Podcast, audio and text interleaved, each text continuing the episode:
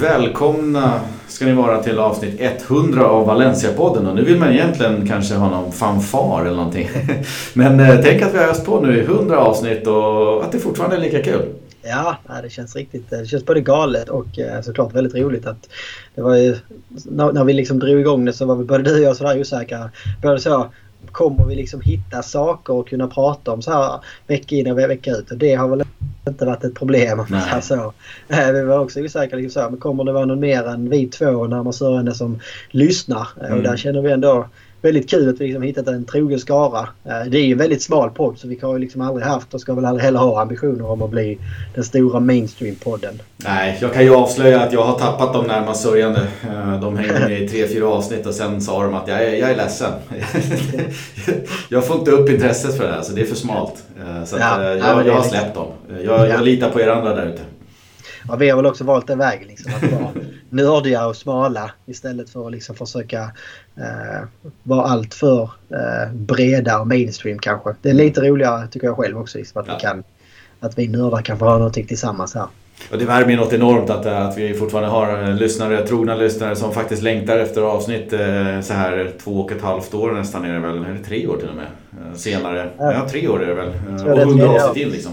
Ja, ja nej, vi, får väl, vi får väl spara liksom 100 års firande och försöka få till att göra något tillsammans med, Mm.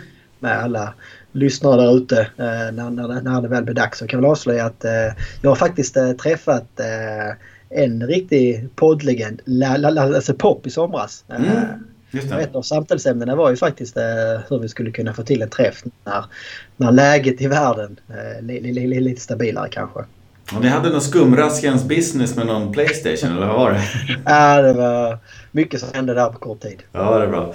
Eh, nej, men eh, lite Valencia. Vi befinner oss i en ganska turbulent tid då. Eh, och eh, trots att det är 100-årsavsnitt och, och tårtan är framme och skumpa-korkarna åker så, så är det lite rörigt i klubben och det är svårt att veta varken in eller ut. Så jag, jag tänker väl att vi river väl av ett stort antal aktuella saker som har hänt och kanske händer och så, så ger vi våran syn på det utan att grotta in allt för mycket liksom i historiken. Så vi kallar det för nyheter fast det kanske inte alltid är dagsfärskt som, som vi ibland eller dagsfärskt, men några dagar gammal. Vi brukar försöka hålla det till allra, allra senaste men nu kör vi lite större skop men inte grottar oss allt för mycket. Låter det okej?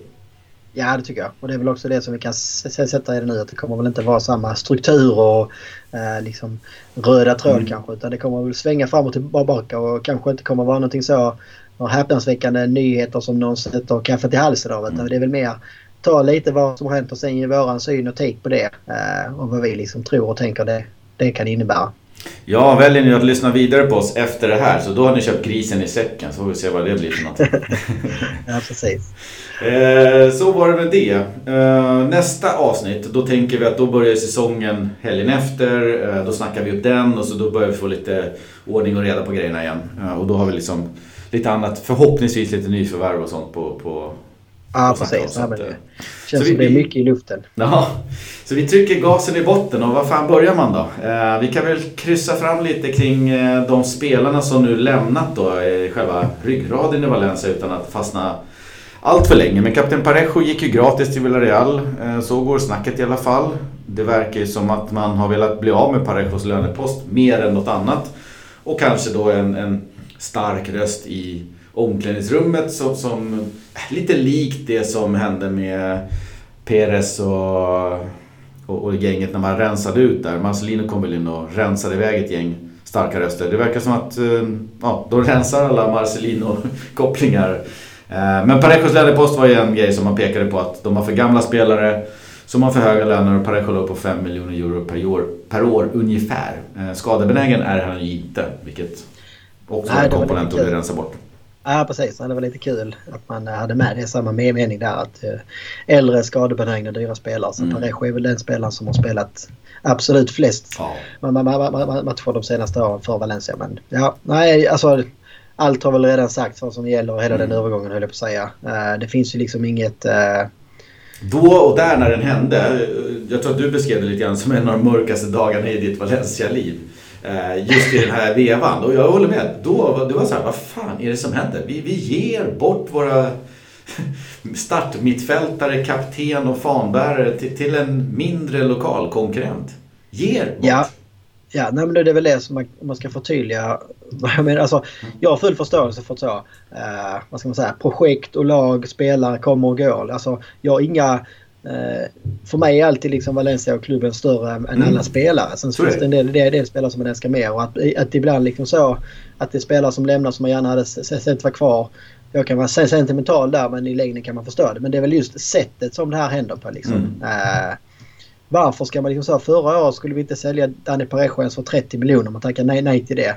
Eh, har, han har kontrakt kvar. Du har ingen anledning att släppa han gratis. Och framförallt liksom du släpper Parejo och Coquelin till ja, men en av dina största konkurrenter. En av dina derbykonkurrenter liksom för struntsummor. Alltså eh, utan, utan att ens försöka sälja dem till någon annan antar jag. För det här gick ju liksom så snabbt. Det var ju så. Ja, Parejo och Coquelin är nu på väg till Villarreal och dagen efter var de klara.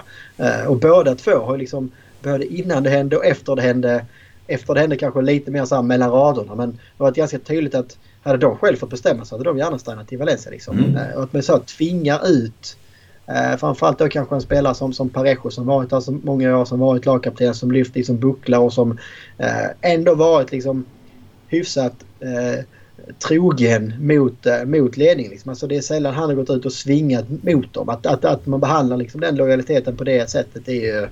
Nej men det, det, säger ju någonting för mig i alla fall om vilken typ av personer som liksom Lim och Anil Morten här är. Låt vara att de är usla liksom så här på sitt yrke. Men att de, alltså, det är än värre liksom när man inser vilken typ av människor det är liksom som, som styr eh, vår klubb om man säger så. Det är, uh, ja, nej, det är fortfarande bara jag tänker på det så blir jag liksom sorgsen på något sätt. Ja, verkligen. Nej, det var, jag, tyck, jag var också så här eh, helt paff och jag kände en enorm liksom, uppgivenhet på något sätt.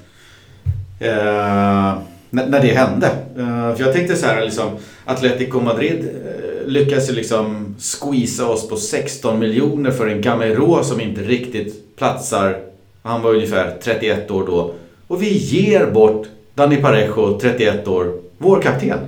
Ja. Det är så, så här, Nej, finns det inget affärsmannaskap åtminstone när man rensar? Det är så här, jag, det förbigår mitt förstånd.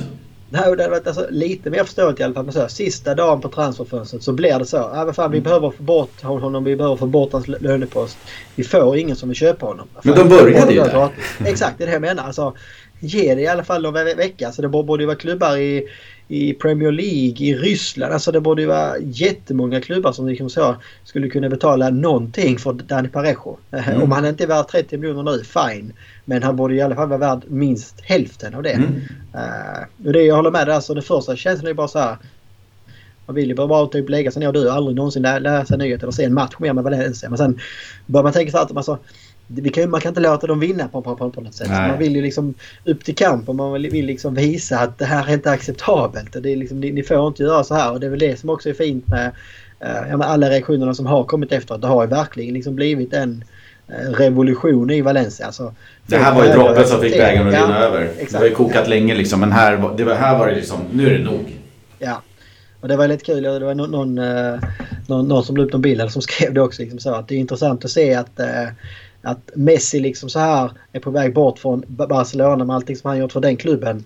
Eh, du får lite protester utanför kontoret men det är, liksom, det är inte i närheten av de protesterna som Valencia-fansen liksom har stått för eh, sen, eh, sen ledningen då skeppade ut Parejo. Som väl mer liksom blev spiken i kistan på, på, på något sätt. Så det är väl också intressant att se hela uh, allting som finns runt omkring Valencia som klubb och många som bryr sig. Hur många liksom mm. som, som nu liksom tydligt säger det här. Det här är vår klubb. Det är liksom inte er klubb. Ni kan inte behandla den hur ni vill. Uh, nu, är liksom, nu är det nog. Och det gav ju eko också. Uh, de har ju verkligen, vad det liksom låter också på rapporterna, tagit illa vid sig och tycker att det här är inte bra. För det här nådde väldigt långt ut i, i fotbolls-Europa och världen. Ja, framförallt så tror jag man är, alltså det är väl det, det, är det som är intressant att jag tror eh, rent krasst tror jag så här. Jag, jag, jag, jag tror Lim och Motti, de, de, de skiter i fans. Alltså de, mm. de, de skiter i om vi är sura, om vi, vi protesterar. Jag tror det är liksom det, det som stör dem mest. Det är liksom så att det fångas upp i internationella mm. medier. Att de liksom blir så här clowner internationellt sett och att de ser dåliga ut. Eh, och att ja, men det, alltså, det, är, det är väl kanske mer därför som då Peter Lim har funderat på att sälja klubben. Det är liksom att han inte orkar, orkar med att behöva försvara den bilden. Snarare så att han tycker det är tråkigt att inte fansen gillar honom på något sätt. Jag vet inte.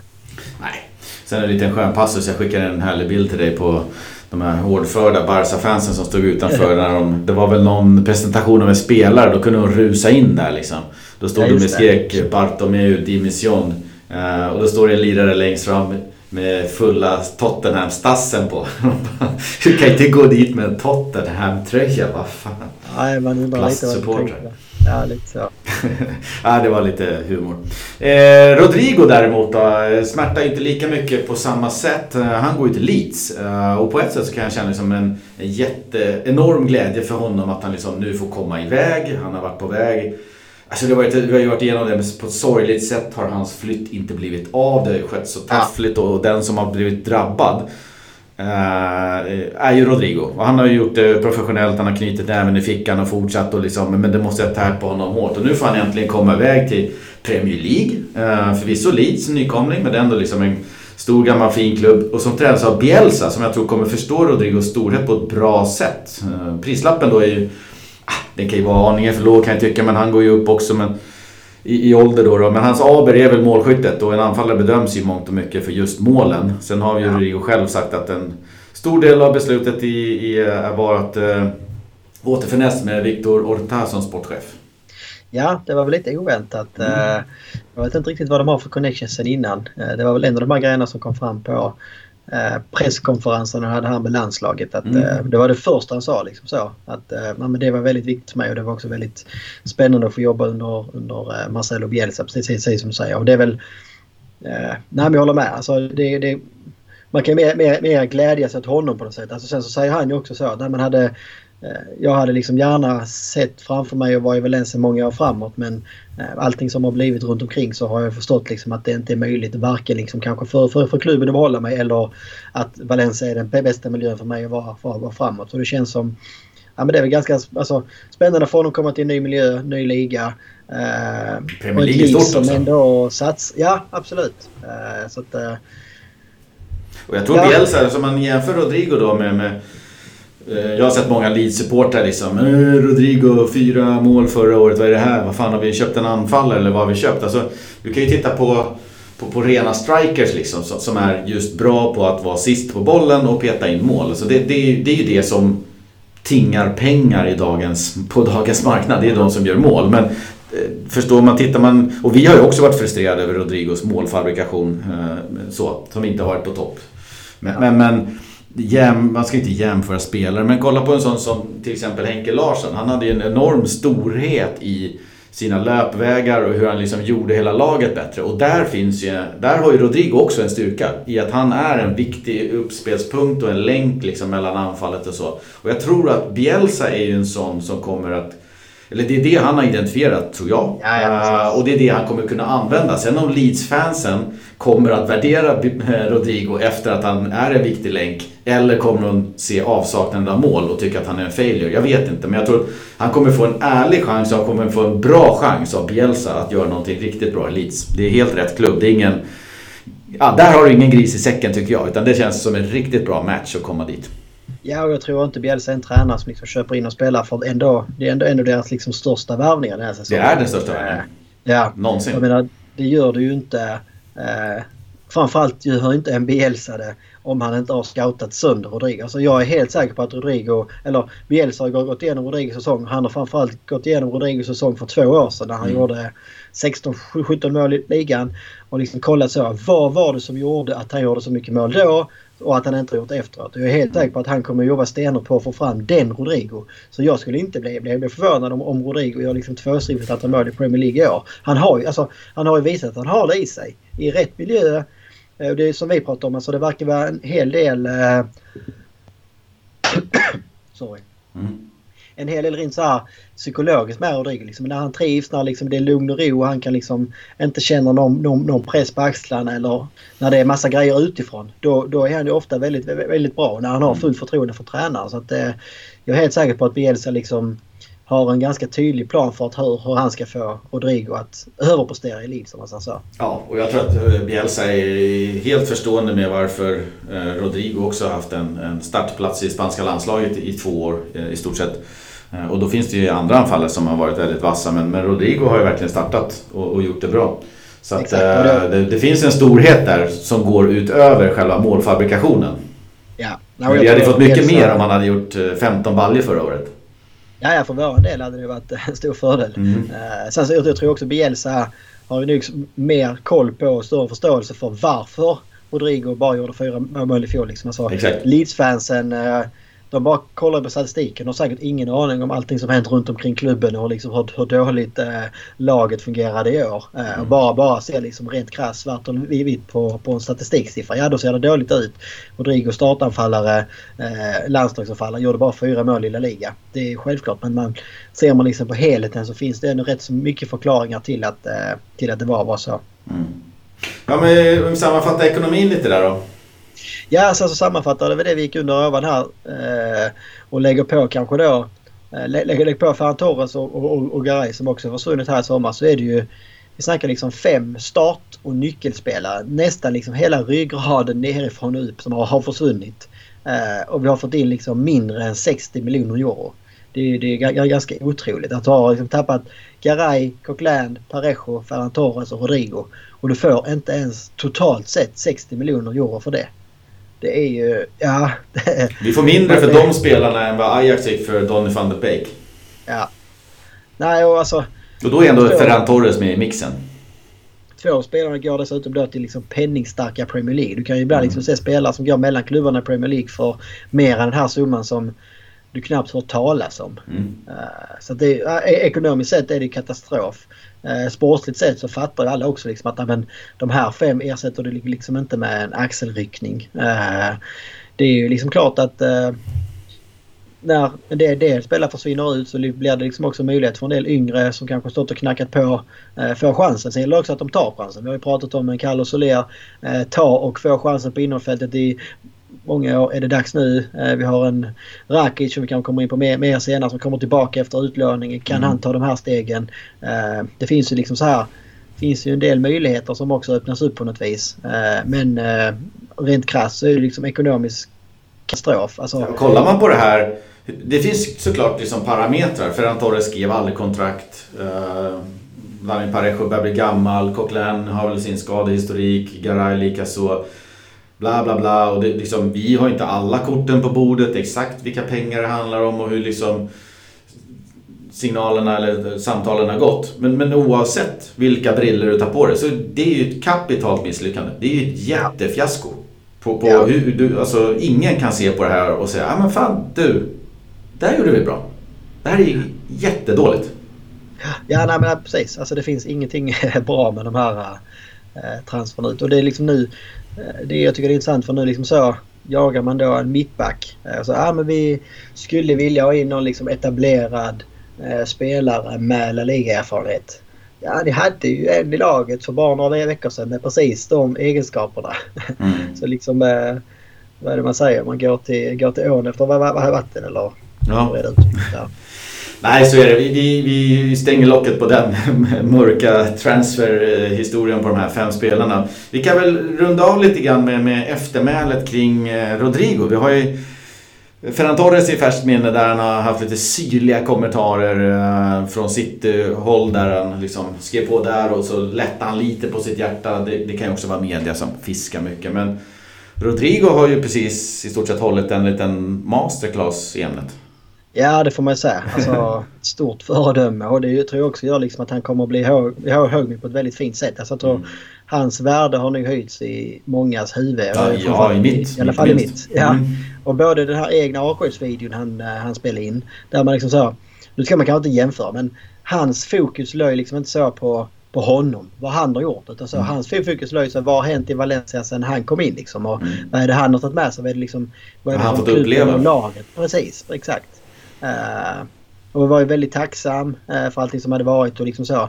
Man kunde tydligt, uh, alltså, man kunde tydligt se att han förstår ju vad, vad liksom Valencia handlar om. Vad är det för kultur, vad är det för historik och väldigt eh, respektfullt på, på, på något sätt. Och det, det är ju samma alla Eh, de här presskonferenserna som varit efteråt där han liksom, han har inga problem att svara på frågor om eh, att han tycker att klubben eh, sköts dåligt och att det är många saker som, som, som är fel. Men han gör det på ett väldigt värdigt sätt. Han går liksom inte in i någon pajkastning eller förolämpning utan nej, konstaterar att så här är det och det liksom är eh, ja, hur de sköter klubben det är liksom är många före honom som liksom varit bättre på att beskriva det och han tycker också det liksom är, är, är tråkigt. Eh, och då blir man så Rodrigo har varit i Valencia i 5-6 år. Eh, Ferran Torres har liksom varit i klubben i hela sitt liv och allt liksom han är som fotbollsspelare har han fått från Valencia. Mm. Och kan man jämföra då deras två avsked liksom när eh, Ferran Torres liksom mer handlar om att eh, smutskasta både spelare och processer och struktur och allting liksom i klubben.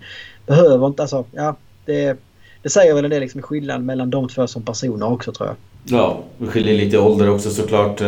Men mest, mest skiljer nog som person där Ferran Torres försöker höja sina personliga aktier lite grann eh, genom att bland annat trycka ner några andra och skylla på olika saker medan Rodrigo skyller inte på någonting. Han, han tackar liksom klubben för att han fick vara delaktig och, och med i den här underbara kupptriumfen som han fick ge till fansen och staden. Liksom. Är, han har ju helt rätt approach på, på allting tycker jag så att, eh, han har inte satt en fot fel.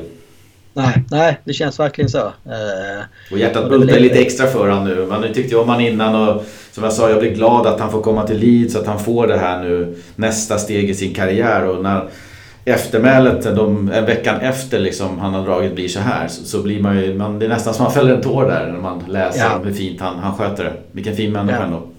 Ja, nej, det gör liksom det jag håller med. Alltså, samtidigt känns det ännu, så, ännu tyngre att tappa liksom en sån eh, både liksom en fin spelare och när dessutom är en fin person som visar den här ömsesidiga respekten liksom för fansen och historiken och kulturen i klubben. Det är, de, det är den, den typen av farbärare som man vill ha kvar på något sätt. Mm. Uh, och tyvärr så är det liksom färre och färre av den typen av personer kvar känns det som.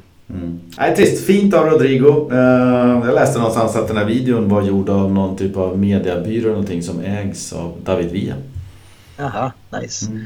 Alltså det var liksom inte en iPhone som ställdes där. Det var lite skön pianomusik och så. Så det var ju snyggt gjord. Uh, ja. men, och, och det, med det sagt så vill jag inte ta bort någonting från videon. Uh, men det var lite kul att uh, det var något bolag som David Villa ägde ja. eller hade som gjorde det där. Ja, för annars så kan man vara väldigt trött. Alltså, Ferran Torres var väl liksom ett typexempel på uh, den här moderna fotbollen. Att alla spelare ska göra så här the decision och allt vad det heter mm. som vi sett liksom olika spelare ska Man ska spela in och man ska regissera allting så jäkla väl. Och han står där på en klippa och tittar ut och den var inspelad liksom så två, tre veckor innan beslutet togs.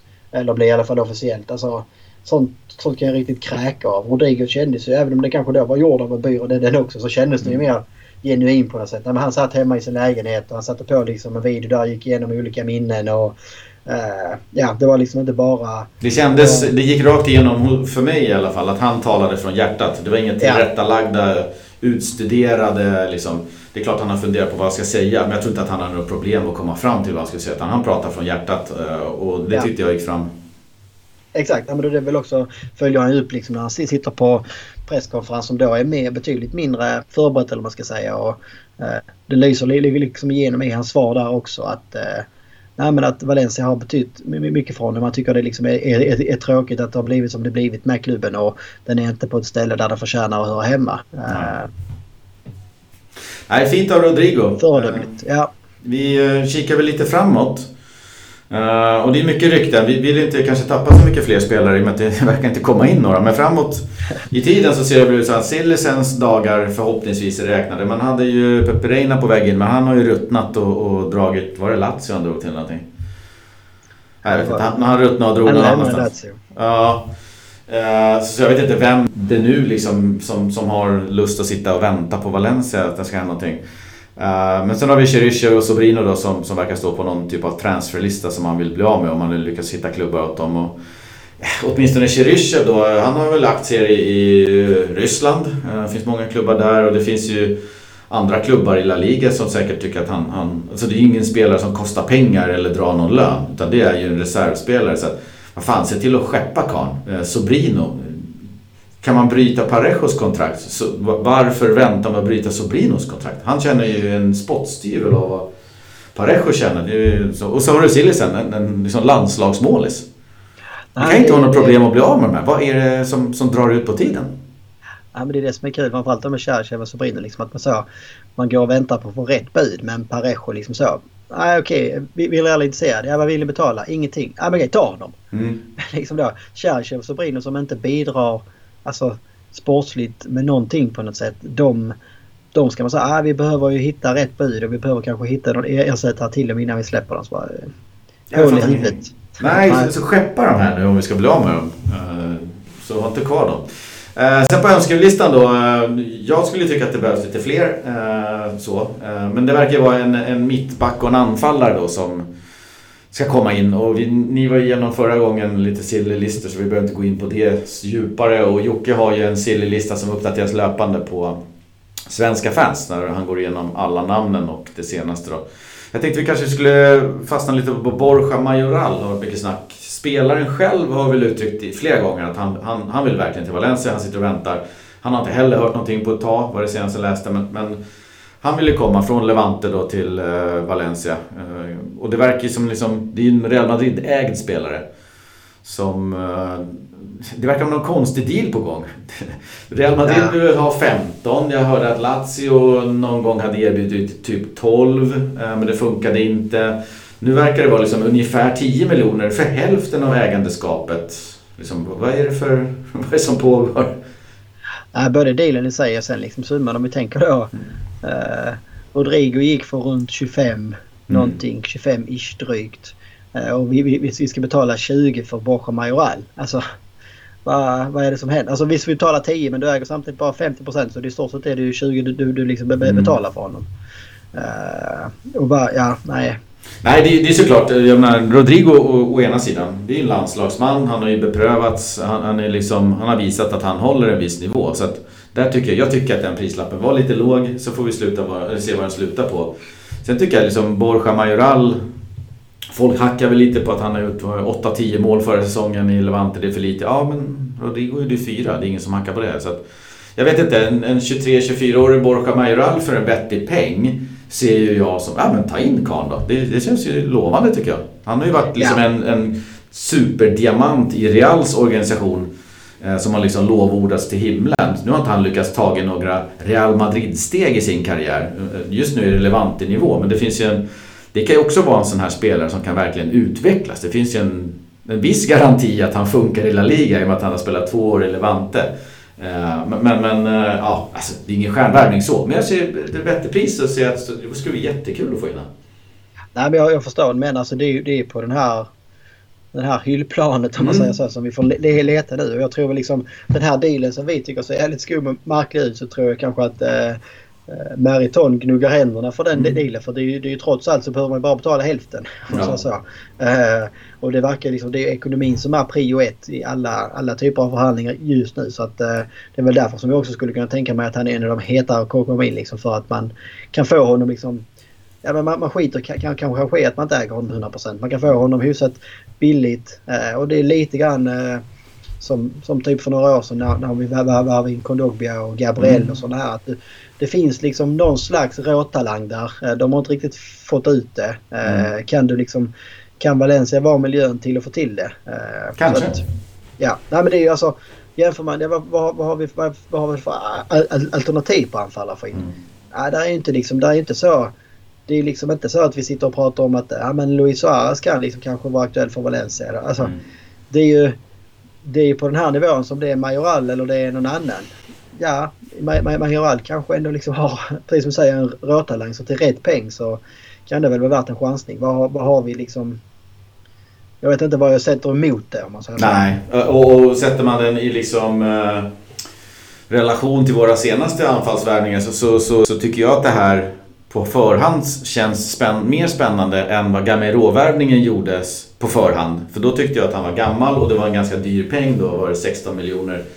Eh, så nu snackar vi om ungefär samma peng men, men Borja Majoral är mycket yngre så det liksom går ju att sälja han.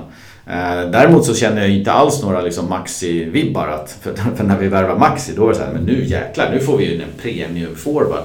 Eh, så La Liga ja. Det får vi inte in i Borja Majoral men liksom, det finns ändå en potential där. Det finns en möjlighet att fan, det kanske hos oss han blommar ut och, och visar att han är den där talangen som Madrid en gång har vaskat fram liksom.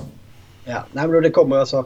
Det är som vi snackat om innan. Alltså, det kommer en säsong där det är det är bara en tävling som gäller. Liksom. Alltså, Vi Mm. behöver inte ha en lika bred trupp längre. Alltså, nu, nu får vi väl se exakt vilket spelsystem som, som Garcia kommer att spela. Men det är kanske inte omöjligt liksom, att du spelar med en re- renodlad anfallare och sen så är det liksom mer eh, offensiva yttrar, alltså ytteranfallare på, på, på något sätt. Eh, så att det...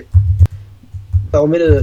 Jag vet inte egentligen så precis som du började det här stycket med så är det kanske liksom på andra positioner som eh, man hellre skulle prioritera och lägga pengarna just nu i alla fall. Alltså en mi- mittback längst bak kanske, Mm. eh, kanske hade varit liksom något mer. Kanske en innermittfältare beroende liksom på hur, hur man ser på Rakic. Vi har ändå tappat liksom KK Coquelin och Parejo på innermittfältet som ju var Ja men det var väl de liksom startspelarna som startade mest på innermittfältet om man säger så. Vi vet att Kondoga är hyfsat skade, skadebenägen som han Mm. är. Eh, då har du liksom en, ja du kanske kan göra om en Carlos Soler, du kanske kan göra om en Daniel Vass som kan vara liksom någon slags komplement och sen har du kanske då en Rakic. Så att ja, ja jag vet inte. Det, Ja, Spelare måste in i alla fall. Vi har ju tappat en Ja. 5-6 spelare och eh, ingen har ju kommit in eh, i form av värvningar. Däremot så, så verkar det ju vara så att man liksom har funderat på eh, bland annat Ratchis men, men, men kanske någon också från juniorleden att man liksom lyfter upp någon till och fyller ut truppen på så sätt. Men det, det är ju en klar försvagning eh, ska man ju säga med tanke på det som har gått ut och det som har gått Absolut. in. Eh, Jag tänkte bara säga på Borja Majoral där också. Eh, Man ska inte jämföra spelare och man ska inte jämföra situationer. Men man kan ju också säga att jag tror inte att det var många i, i, uppe i San Sebastian som liksom kissade i brallan över en Martin Ödegård som skulle dit efter en utlåningssession till, till eh, Holland. Då. Eh, där han förvisso gjorde sitt andra år väldigt bra, men det var nog ingen som kände att oj jäklar, shit vilket kap. Men det visade sig vara hur bra som helst. Han tog ju de här stegen som många trodde att han skulle ta tidigare. Ja, no, det, är alltså, det är ju samma i Valencia också. Alltså när första säsongen när, när Guedes kom eller när Konogbe kom eller Gabriel kom. Liksom, det var ju så här. Fan, det är skadat gods och det är en Guedes som är lite så talang men han har inte riktigt fått att lyfta och har varit i Paris och spelat tredje fiol ett tag. Och, så att eh, alltså visst finns uppsidor i en eh, Majoral. Ja, rätt pris så tycker jag att det känns som en riktigt spännannde värvning. Sen är inte jag sugen på att klubben ska punga ut 20 miljoner för den eh, eftersom vi inte har de pengarna. Eh, den garantin får du inte med, med Kahn, i alla fall enligt mig. Då. Nej, vi, det, vi, det kommer liksom inte vara någon värvning i sommar som jag tror någon kommer så här få gåshud av eller liksom Nej. kittla i magen. Utan det är ju alla spelare som kommer ramla in kommer vara i den här kalibern liksom. Mm. Eh, Ja, och det är precis som jag sa, det är inte en maxivärvning. Den kittlade ju i magen. exakt. nu är det så här, ja. Det är, det är den här nivån vi är och rotar i. Eh, vi behöver Ja. ha in någon. Varför inte Borja? Nej, ja, precis. Så Ja. är det. Nej, eh, så får vi se. Det var ju Otamendi och någon Capoe. Alltså det finns ju hur många som helst. Jag menar mittbackspositionen. Du har ju en, en Gabriel som ska, kanske, inte alltid levererar 30-35 matcher per år. Eh, Du har ju Mangala och en eh, Diakabe som du i stort sett inte vill spela liksom. Ja. Och så en Guillamon då som, som är spännande och ung och, och liksom är det han som ska kliva fram? Ja, vi får hoppas det. Men det känns tunt så att, så att man, man vill ha in en, en, en mittback som också kan spela till höger sägs det för att eh, Javi Gracia vill spela lite oftare med Vass på mittfältet och då är det så här, "Ja, fast är Vass tillräckligt bra där? Jag vet inte. Nej, det, nej, Ett lapptäcke det här. Lite så. Det är det är väl det vi får vänja oss vid höll jag på att säga. Tyvärr. Ja. Vi kan ju kolla på Javi Gracia då. Han verkar ha kommit igång på ett bra sätt i alla fall. Enligt rapporter så gillar ju spelarna vad de ser och känslan är att vi enligt mig då nu har fått in en, alltså en riktig fotbollstränare. Eh, man hoppas ju nu bara att gruppen tillsammans kan nå framgång. Eh, med att vi, vi har ingen satsning och vi har inget riktigt projekt sådär. Men att, att man liksom kan knyta näven i fickan. Kanske lite likt Marcelinos eh, intåg. Att man, man rensar ut lite grann, man börjar på lite nytt och så att Xavi kan få, få folk att tända till och ta nästa steg. Och jag känner mig positiv till, till Gracia. Och jag undrar om vi hade kunnat få tag i en bättre tränare just nu med, med den cirkusen som, som pågår. Eh, Så visst, Pochettino fanns tillgänglig och Max Allegri fanns tillgänglig men, men vi är inte där. Eh, Med Nej. tanke på vart vi är så känns så här tidigt på, på säsongen eller så, så här kort tid in så känns det jättebra. Det känns som att vi, hittade jackpot där. Nej, men jag tror det var, så, det var en Javi Gracia-typ eller liksom en Bordelas-typ. Alltså Mm. de här, det var liksom så, jag, jag tror det hade blivit fiasko om vi hade fått in en eh, Laurent Blanc eller Mm. något större tränarna. För att jag tror det här kaoset och liksom det här begränsade eh, begränsade resurserna som kommer finnas i kommande säsongen. De är inte riktigt vana vid att hantera det på samma sätt tror jag som liksom. Eh, Så att, eh, nej jag håller med. Alltså, eh, återigen, samma sak som med spelare så är det liksom det här hyllplanet av tränare som är lediga så att säga. Så det är klart att man kan tycka hit och dit att det, det är heller inget namn som liksom kittlar eller som eh, får en att gå igång. Men eh, första rapporterna som du säger både från spelare och, och liksom eh, allting man, man hör från eh, journalister och allting sånt där det tyder liksom på att eh, han verkar ha fått ihop en bra grupp och det, det är det jag tror det liksom är det denna säsong kommer handla om. Det är att få ihop denna gruppen och försöka se se till att denna gruppen liksom överpresterar. Försöka se till så att gruppen kan koncentrera sig på fotbollen på, på, på något sätt och kan glömma liksom den andra cirkusen som pågår runt omkring i Valencia som säkert kommer vara en stor del av kommande säsong också. Nej, exakt. Och, och, och med, med, det sagt så, så, säger vi det nu. Uh, den, den 2 september är det va? Säsongen har inte ens börjat. Det kan ju bli ett kapitalfiasko för, för Valencia och Gracia kanske får sparken i november. Liksom, ja. Så det vet vi inte. Men, men allt som, som man har hört hittills så känns som ett jättebra. Eh, det, det är helt andra vindar än vad man kände med Celades. Liksom. Här, här kommer ju in en, en, en, tränare som, vad jag förstår, vet vad han pysslar med. Sätter upp ett par träningar och lite fys och, och lite taktik som spelarna direkt hajar till. Att, ja men okej, okay, ja men visst. Fan, här har vi en kille som, som liksom har planer och idéer och vet vad han, han har gjort det här förut. Han kan liksom hantverket. Uh, och det tycker jag känns tryggt att det kommer in den typen av tränare. Sen tror jag att han inte kommer ges rätt förutsättningar för att lyckas.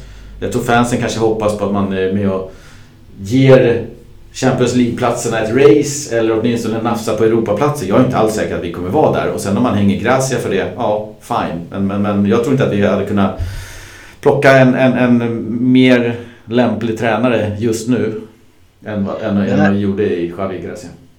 Ja, men det är det, det som är lite intressant att ska se. Liksom, det är så här, vad har, vad har klubben för förväntningar? Liksom? Alltså, vad skulle krävas för att klubben ska sparka honom? Alltså, jag håller med, med, med dig om att eh, fansen kommer liksom fortfarande ändå på något, något sätt om vi ligger 12 i oktober-november så kommer ju fansen skrika att vi ska byta tränare. Men liksom läser man mellan raderna på vad klubben och Anil Murti säger så är det ju det vi ska förvänta oss. Att vad, liksom, vad är det som ska krävas från klubbens sida för att man ska byta tränare? För att mm. nu, nu har ju de tagit, tagit in honom. Det är de som liksom säljer alla nyckelspelare. Då bör man ju också liksom ge honom förtroendet så länge vi liksom inte ligger toksist och, och, och riskerar att åka ut kanske. Mm. Uh, så att, och det, för det, det, känns också som en tränare och jämför det liksom en del av de tränarcirkusen som varit innan men de här som har blivit väldigt kortsiktiga så har det ofta varit eh, hyfsat oerfarna tränare. Garcia har ju ändå mycket erfarenhet från olika ligor. Eh, har varit med och gjort liknande typer av projekt liksom med eh, underdog som vi nu får kalla Valencia det är det liksom. Eh, ja.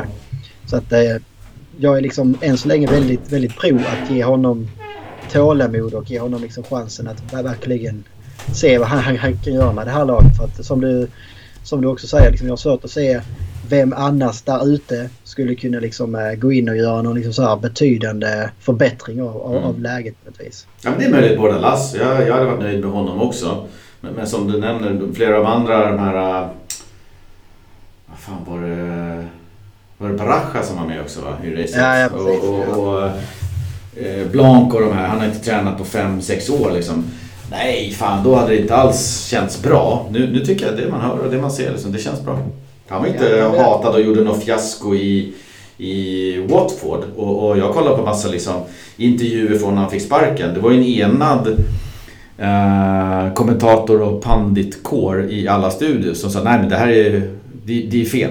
Det är fel att han får bära det här hundhuvudet. Vi fattar inte var det här kommer ifrån men de här ägarna har liksom gjort sig kända för att de sparkar tränaren väldigt fort. För, för han, han hade de bästa statsen liksom på de senaste tränarna och det, massa grejer. Så att han, sparkningen från, att han fick sparken från Watford var ju liksom lite väldigt märkligt. Det kom från ja, klarblå himmel.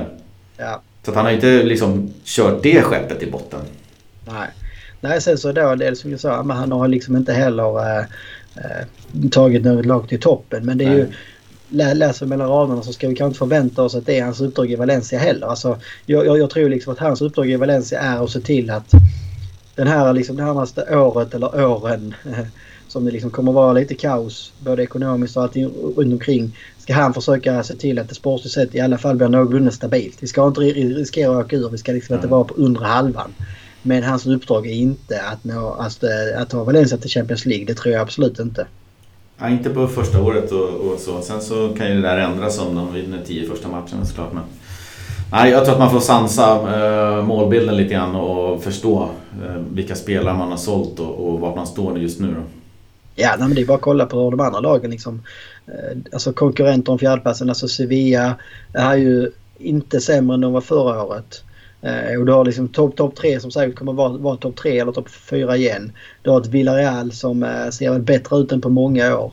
Du har liksom ett Real så, så, så, sådär. Du har tappat Ödegaard men som fortfarande har ett ganska så spännande lag. Du har liksom ett Bilbao som alltid är med och krigar där uppe på, på, på, på något sätt. Så att det är ju... Alltså, Sociedad med David Villa. Precis. Jag menar som Sevilla liksom. Ja, men de Banega, vi måste... Han, han måste lämna klubben. Han vill ta in Rakitic istället. Vi tänker ja. så här, ja, vi måste bli av med Dani Parejo. Fast vi tar inte in någon.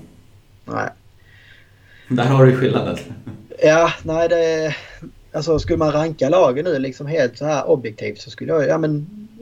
Rimligt på pappret att Valencia kanske kommer att vara med där omkring sjunde, åttonde plats någonstans. Mm. Uh, och det är liksom så ja, men det, är, det är inte en super underprestation som gör att Valencia plötsligt bara är 13-14 plats. Den är bara så li, lite sämre. Det är någon klubb som överraskar. Pang så är det där, där nere liksom. Alltså så Granada i fjol. Eh, hur liksom Getafe fick behålla båda Lass och han håller på att föryngra en hel del i Getafe. Kan de liksom fortsätta hålla i den boosten där? Ja, alltså det finns många... Ja, ett par skador på nyckelspelare i Valencia så är det otroligt sårbart. Nej, alltså det är det som verkligen kommer vara liksom den stora nyckeln kommande år. Det är ju att du behöver ju liksom få de här etablerade nyckelspelarna att både blomma ut och leverera och samtidigt hålla sig skadefria. För att det kommer att vara otroligt tunn trupp. Du har liksom inte som de andra senaste åren att vi ändå har kunnat vara utan tre, fyra samtidigt och ändå kunna göra det okej okay, i alla fall. Mm. Ja, nej så är det. Eh, kul med Javi Gracia. Får hoppas att, eh, att det fortsätter att vara kul att ha honom som tränare. men, men nu känns det så i alla fall. Vi kan väl kolla lite på eh, ekonomin. Eh, den, den, verkar ju vara i botten. Eh, och här får ju du hjälpa mig som, som jobbar med ekonomi. Eh, du kanske har några andra vinklar. Men, men vi måste ju liksom sälja spelare varje år och vi måste sälja spelare i år. Eh, för att kunna värva överhuvudtaget. Och, och dessutom så framkom det nu information om att klubben inte ett tag ens hade eh, liksom råd att betala ut löner till spelarna och ville göra någon avbetalningsdeal, och skuldbrev och man, skulle liksom pröjsa en, en del om ett år. Uh, och detta endast liksom ett år efter klubbens ekonomiskt mest framgångsrika säsong någonsin. Liksom kopparguld, ja, nu gav vi inte det jättemycket pengar då, men, men CL åttondel gav vi 60 miljoner och sen rekordstora TV-pengar gav vi nästan 80 miljoner. Vi har liksom en ekonomiskt stark ägare i ryggen etc. etc. etc. Vad fan har hänt med pengarna? Ja, nej, det är eh, 10 miljoners frågan Alltså det känns som eh, om man börjar med ena änden så kan man säga så här. Det, det man tydligt säger och som ligger mycket i det. Det är väl två saker. Det ena är man behöver reducera alltså, kostnaden för laget på något sätt. Alltså du behöver löneposten totalt sett för truppen behöver bli betydligt mindre kommande säsong eftersom att man vet att man, man kommer ha eh, lägre intäkter. Eh, det förstår jag och jag tror också, och du är säkert inne på det, att lönekostnaden kanske sprang iväg lite mer än ja. vad man hade hoppats på. Precis. Nej, jag tror liksom att man har byggt ett lag som har varit väldigt beroende av att ha Champions League varje säsong. Eh, man har liksom det har man haft. Levt, levt på gränsen om man säger så. Man har, man har haft två säsonger här, eller tidigare i alla fall, där man liksom hade bra in, intäkter men man har liksom inte tagit chansen att buffra lite för sämre tider. Utan man har hela tiden levt på gränsen och liksom hela tiden flyttat fram spelmarknaderna lite grann. En liten chansning såklart. Mm. Eh, och nu, nu, nu, nu känner man att man istället behöver göra precis tvärtom. Man behöver både hängsle och livrem. Sen så menar man ju också på liksom att man vet inte riktigt effekterna av hela eh, corona, liksom, hur, hur det kommer att bli de närmaste säsongerna. Man snackar ju själva om att TV-rättigheterna kan eh, reduceras i 30% Vi vet också i Spanien att eh, det är väldigt stor skillnad att komma fyra i ligan som Valencia gjort de två senaste säsongerna och komma liksom åtta nionde plats på mm. TV-pengarna. Eh, man pratar också själva om att alltså rent eh, marknadsmässiga intäkter kommer man kunna tappa upp till 50% Då snackar man ju alltifrån liksom, eh, intäkter till liksom, eh, allting som är runt omkring matchdagarna. Eh, mm. det är liksom inte bara biljetterna och årskorten utan allting runt omkring som ändå kommer in där. Plus då sponsorer som, eh, som också kommer liksom minska när det är mindre folk på arenorna.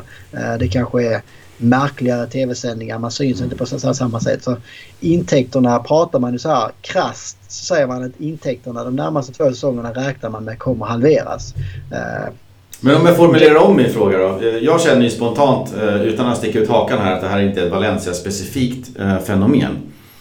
att, att, att intäkterna halveras och, och att det varit corona och så vidare. Utan det gäller ju alla lagen. Håller de andra på att liksom blåsa upp ett luftslott och, och Anil Murti kommer rida ut ur den här stormen som en hjälte när han höll i stålarna och slapp konkursen liksom, eller? Är alltså Valencia är... smarta och de andra spenderar alltså så mycket? Problem... För de andra spenderar? Är... Exakt, Nej, det kan ju bli, bli så. Alltså problemet med fotboll är liksom så här att du kan inte heller du kan inte heller bromsa dig igenom en kris. Alltså, du kan, alltså, det, det Valencia gör nu det är liksom chansar på att, uh, att ha ett väldigt billigt trupp men att den ska överprestera. För att det är ju så för att man vet att kommande säsong kommer intäkterna vara lägre för att man inte är med i Champions League. Det är liksom ett faktum. Men för att komma tillbaka till Champions League så kan du, du kan ju inte bromsa dig dit. Du förstår vad jag menar? Alltså, du behöver ju chansa, du behöver ju investera, du behöver kanske så...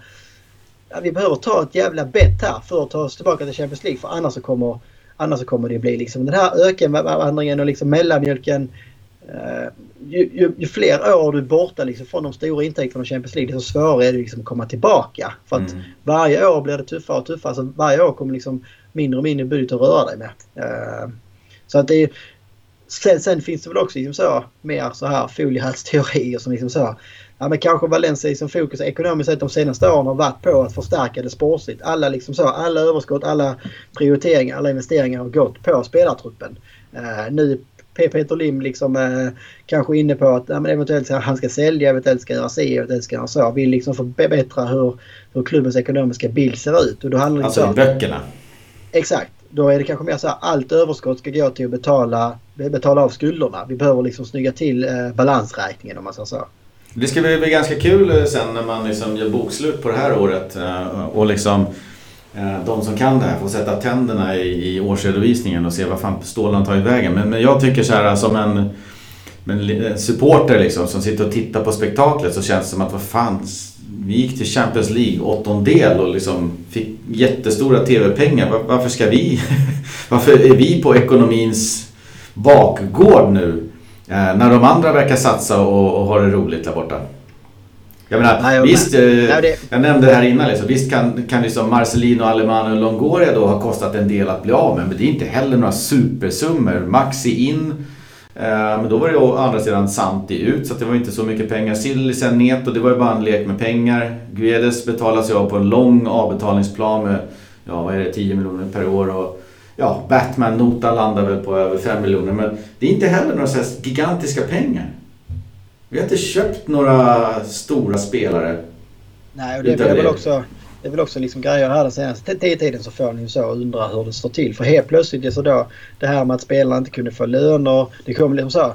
Det måste man ju ha sett på något sätt. Alltså mm. det här är liksom eh, det här är liksom ingenting så framtida intäkter som blir lägre än man hade trott utan det här måste man ha planerat och det är väldigt liksom Det vet ju alla som har jobbat på, på ett företag eller en förening. Alltså, det absolut första du vill betala är ju lönerna. Så, så, du kan ju alltid skjuta så här, prata med leverantörer och betala mm. det lite senare hit och dit. Men lönerna måste du ju ha ut i tid. Uh, ja, det som slår mig där liksom.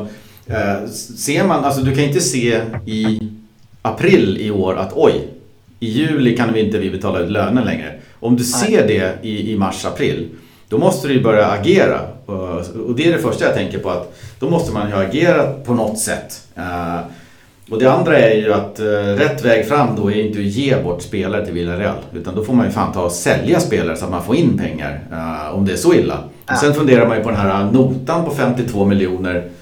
Som man då verkar ha betalat till Peter Lim. Som Exakt. var något lån som inte var ett lån. Vad fan? Nej, men det var väl det. Det var väl det som liksom också fick många att liksom höja på ögonbrynet. Ena, det var det, det som man kunde börja hitta i de här äh, officiella rapporterna. Att ena dagen för man över liksom då 52 miljoner euro till Peter Lim och två dagar senare så kan man inte betala ut lönerna till spelarna. Men så kommer med skuldebrev att ni kommer få tillbaka era pengar i september 2021. det, det är så oseriöst så att eh, ja, om man liksom inte innan tyckte att eh, Valencia styrdes oseriöst så var väl liksom det här. Och det, det, det, det ska vi komma ihåg att det här är liksom inte bara så en intern pinsam jobbig grej liksom med de spelarna som inte får, sin lön nu. Utan vad är det för spelare som vill komma till Valencia när man läser om det här? Att de liksom har till och med problem att betala ut lönerna. Alltså det är klart att har jag två alternativ att välja på. Det ena är Valencia så skulle man ju nio dagar tio välja det andra. Alltså, ja.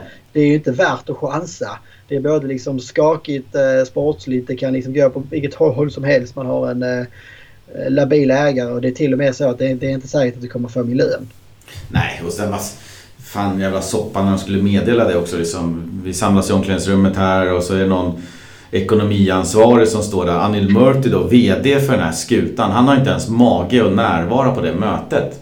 Det är ju hans, Nej, det är, det är hans lag. Han är ju VD för det här. Det är han som har liksom koll på det. Vad, vad, vad tänker han? Honom, liksom. alltså, ja. han eh, så fort det kan komma frågor liksom och inte han kan vara 100% förberedd så då vill ju inte han vara där. Så han tycker om att sitta på sitt skrivbord och skriva sina, som man kallar det, öppna brev. Mm. Eh, som är liksom lika öppna som eh, en stängd dörr ungefär. Eh, mm. och vill liksom inte ta någon ifrågasättande eller någon följdfråga på, på sakerna utan det är ju Uh, ja, nej, men det är ju, det är ju den här alltså, diktatorfasonen som han, han kör och med en väldig självgodhet. Jag gärna gör, gör, gör, gör det också.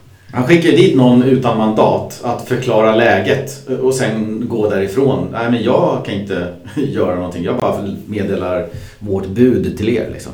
Ja, nej, det... Nej, det är sjukt. vi släpper eh, han, honom för ett tag där och den ekonomiska eh, hålet som Valencia verkar befinna sig i. Så får vi se vad det liksom kommer fram i framtiden. Så blåser vi in lite positiva vindar i det här igen, tycker jag.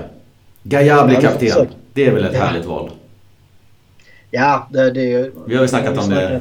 Exakt. Nej, men det var väl alltså, redan i truppen i fjol så var väl han liksom eh, utan att nu liksom ska söga på Recho när vi hyllat honom så kändes som Gaia eh, liksom med, med, med hans eh, attityd och inställning som alltid var där på något sätt. Så han spelade alltid för klubbmärket och han liksom krigade alltid varenda match. Han var liksom inte på en perfekt eh, spelmässigt tekniskt sett varje match men ja, att han ska bli, kapten kommande år känns ju... Ja, men det känns helt givet. Uh, sen är han ju inte den kaptenen liksom så. Han är dessutom liksom ytterback på en svår position kanske att vara, vara kapten. Och nog inte den kaptenen som liksom så styr och ställer eller är den liksom så ledare på det sättet. Men han är ju mer en ledare genom sitt sätt att vara på något mm. sätt. Att han liksom alltid går i bräschen. Det är liksom... Kan jag tänka mig att det är en väldigt liksom spelare som alltid är 100% på träningarna. Alltså det, det, det, det är sådana små grejer som jag tycker är viktigt i en kapten i alla fall. Att han är ett föredöme alltid. Inte bara liksom så, när det går bra så är han liksom längst fram. Utan det är tvärtom så vill jag ju se en bra kapten går ju längst fram när det går som tyngst. Och det var det jag tyckte hade problem med Parejo som kaptens ämne. Mm. Nej, och sen Gaia, om vi snackar om att liksom det Rodrigo har pratat eh, i pressen kring, kring hans avsked och det. Så, och, och, och, det var väldigt bra och fint och vettigt så så tycker jag att Gaia också eh, nu under sommaren har agerat fint. Liksom, eh, liksom, jag vill inte lämna klubben. Eh, och, och dit satt det liksom han sitter ju i samma soppa som alla andra. Han ser ju Meriton på, från insidan som alla andra och vet hur jävla ruttet det här skeppet är. Men, men han har ju rakryggat ställt sig upp och men jag vill inte gå. Och det är inte så att det inte finns bud på honom. Han är ju en Precis. av de tillgångarna som man skulle kunna sälja och rädda situationen. Sen kanske det är så att Meriton har valt att vi satsar på Gaia och Gaia säger ja men fine gör ni det då stannar jag liksom. Men, men eh, jag tycker han också har skött sig jäkligt bra här och, och det känns helt rätt att han blir kapten. Ja, och han skulle också kunna gå till liksom, vad ska man säga, bra klubbar. Alltså mm. det, det, är liksom inga dussinklubbar som jag, jag hört. Jag skulle vilja säga. Precis. No, det, alltså, jag, jag, jag tror du skulle kunna räkna upp liksom flera av de allra största klubbarna som skulle... Alltså Gaia rankas ändå som liksom en av de eh, bästa vänsterbackarna i Europa nu. Kanske mm. inte den allra bästa, kanske inte topp top, top tre. Vad, vad, vad, vad vet jag så här spontant. Men mm. eh, ändå så liksom vill han vara kvar i kaoset i Valencia på något sätt. Och det är ju liksom ännu mer så. Det är väl självklart att han ska ha kaptensbilden då. Det finns liksom inget snack. Vem, vem, i, vem i truppen och spelarna som, som är kvar idag skulle annars ha den? Kangeli? Uh, ja. han hade en träningsmatch. Både Kangeli och Daniel Vass har jag sett med lagkaptensbilden i mm. träningsmatcherna. Det gör ju lite ont i hjärtat. Alltså, ja, det känns inte lika bra. uh, men uh, ja, nej. Nej, det är kul, kul grej i alla fall. Och, inte så oväntat men, men ändå jäkligt viktigt tror jag för klubben att det blev så. Vi kan ja. kika lite på de träningsmatcherna. Vi hade väl en uh, liten seger mot Castellón uh, som... Uh, jag såg den matchen, det var inte så mycket. Det var, det var verkligen en röda västar mot gula västar kändes det som. Ja. Sen var det ju förvisso träningsmatch på Villarreal också. Den var ju väldigt spännande i och med att det var så många Valencia-spelare där. Och då var det en seger och sen så är det 0-0 kryss mot Levante. Kanske inte så mycket att säga om de, de insatserna. Väldigt unikt för mig att man kör två träningsmatcher två dagar i rad med många spelare som ändå eh, är spelare i båda. Men det som jag tycker ändå var lite intressant är att nu är Ratchis tillbaks och han eh, spelade ju eh, och han har ju en, en eh, roll centralt på mittfältet. Liksom. Är, är det en spelare för vårt centrala mittfält? Ja, det blir intressant. Alltså, jag tror, bara stanna vid en sak. Jag tror vinsten mot Villarreal, alltså det kan, jag tror, det är inte omöjligt att det liksom visar sig även så här. Det var en träningsmatch tidigt på säsongen, det betydde inte ett skit. Men jag tror inte man ska underskatta så här psykologiskt och moraliskt. För det faktiskt det kan betyda, alltså man får... Inte just det, den matchen i alla fall. Nej, nej men det har liksom så snackats innan om att eh, Villarreal har sprungit förbi Valencia. De har liksom snott Valencias bästa spelare för inga summor alls. Hit och dit. Alltså de spelarna har också läst det här. Vi mm. får 1-0 i Häcken. Eh, det har inte gått 10 minuter ens. Alltså, det var verkligen så. Okej, okay, detta är liksom... Eh, här börjar uppförsbacken. Sen så vänder man det. Sen är det två jävla skitmål som eh, Maxi får göra. Det är två riktiga mm. mållöstavlor. Men jag tror, jag tror ändå att liksom kan gruppen liksom ta med sig det. Kolla vad fan, här visar vi liksom att eh, när vi väl knyter näven så är vi, vi, vi, vi som grupp, vi kan vara jävligt starka. Vi kan slå där vi lär. De kan säga mycket de vill att de är rustare och liksom de, de, de ska springa förbi Valencia ja. Men fan, se här. Alltså, jag, jag, det är inte omöjligt liksom att sådana såna små grejer som på liksom precis när det händer på pappret kanske inte så känns som att det betyder väl ingenting. Jag tror inte man... Jag hoppas inte, jag hoppas liksom att se och gruppen kan liksom så bygga vidare på det. Mm. Eh, alltså internt i alla fall. Att man kan få den här känslan. Det är vi mot världen, det är vi mot alla andra eh, på något sätt. Eh, Rakic, men det var ju som vi sa innan. Alltså, det här med att man skeppar ut många etablerade spelare och liksom givna startspelare som tidigare. Det öppnar ju också upp möjligheten för nya spelare att ta chansen. Och Rakic är en av de som känns på förhand väldigt spännande. Mm. har ju liksom följt följt hans framgångar i portugisiska ligan utan att sett allt för mycket, mycket. Men har fått väldigt mycket nåvar där. Han har fått liksom en säsong där han fått hyfsat regelbunden speltid. Eh, och liksom, det var precis det som han, han behövde på något sätt. Eh, för att kunna liksom ta steget till Valencia. Och nu kommer det också kanske då vara ett Valencia där konkurrensen inte kommer vara lika tuff. Eh, så att ja, alltså. Det man har sett än så länge så är det ju så. Det är ju inte så shit. Här har vi någon, någon, mm. någonting. Men ja, men ändå lite, lite spännande på något sätt tycker jag. Ja, jag tycker han har bra blick för spelet och sådär. Det är ingen eh, liksom en Xavi med, med lätta steg eller en Iniesta som trippar runt liksom i ultrarapid. Men, men det är ju en, en, en fysiskt uh, stark spelare med, med, ganska fina fötter och fint spelsinne. Så att jag, jag tror att det han behöver snäppa upp det är ju tempot i, i sitt ja. agerande med boll och, och tempot generellt sådär. Uh, och kan han bara bli lite ja, jag tänkte säga lättare på foten men, men rappare i steget kanske låter bättre i fotboll. Eh, så jag tror att det kan bli riktigt bra. Dessutom så, så har han ju framtiden framför sig så att jag tror absolut att han kommer tillhöra truppen och eh, liksom vara med och slåss om en, en plats där. Ja, men jag tror också att hitta balansen eh, liksom när han ja, men som är ganska typiskt för yngre spelare. Liksom, hitta balansen när, när man ska spela lugnt och säkert. Spela mm. kanske bakåt eller sidleds och när du ska liksom försöka dig på de här eh, genomskärarna eller de liksom offensiva svåra passningarna på, på, på, på något sätt. Att, eh, för han kommer antagligen liksom, om han spelar ha den här rollen som ska vara lite grann eh, dynamon och liksom mm. mycket är han som ska liksom hålla i taktpinnen för Valencia på något sätt. Det är ju den rollen som som är väl mest klipp och skruva för honom. Och då gäller det liksom att du kan känna av att annars ska vi verkligen försöka spå en kontring nu eller ska vi liksom hålla den inom laget ett tag för att vila eller liksom komma i fas eller någonting. Ja, och det, det känns ju som att det, den röda tråden med, med Ratchis har ju varit ganska bra. Att man tar in en, en ung spelare som man tror på. Han spelar lite i Mestajan och, och sen så går han på lån till Portugal och nu är han redo. Liksom. Så det känns ju som att eh, skulle han nu kliva in i laget och, och, ta en plats så känns det som att ja, men det har varit en riktigt bra värvning och en utveckling på den spelaren. Så som man vill att det ska gå till så att säga. Exakt, ja, men det är ju enligt skolböckerna. Alltså det är mm. många, många gamla storspelare i Valencia som har liksom haft precis den bakgrunden. Eh, så att eh, det är väl bara att hoppas liksom att han Eh, ja, men att den potentialen som man såg honom när han varvades och plus då liksom att man har haft en bra utlåning på honom. För det, utlåningar kan ju också gå. Kolla Tony Lato-utlåning. Liksom. Det blir inte alls som man hade tänkt sig där. Eh, men med Rakic så ser det ändå ut som att det blir ungefär som man hade tänkt sig och hoppas på i Portugal. Ja, verkligen. Eh, ska vi nämna någonting om Yunus? Kraftpaket och bra fart i, i benen och det har varit lite snack, snack om honom. Han försvann ju under coronan under mystiska ja, omständigheter. Där Valencia inte visste vart Kahn höll hus egentligen. Eh, men han hade ju dragit hem till London innan Europa stängde ner vad jag förstod. Eh, hem till familj då. Det kan man ju förstå. 17-årig pojk kanske att det, familjen tycker att det är bättre att, att, sitta hemma när man vet vad som kommer istället för att man sitter fast i en lägenhet själv i, i Valencia. Så att, så. Men, men, men det var nog inte det Valencia hade planerat för honom, att han skulle försvinna ett halvår från kartan. Men nu är han ju tillbaks eh, och han är en av de som verkligen verkar vilja slåss för en plats. Och, ja, det, det, finns ju saker där. Opolerad som många unga är, men det finns ju saker där. Helt klart. Ja, ja men det är väl kul att kunna, äh, kunna få med hans namn i podden igen. Men mm. med av lite roliga hallänningar.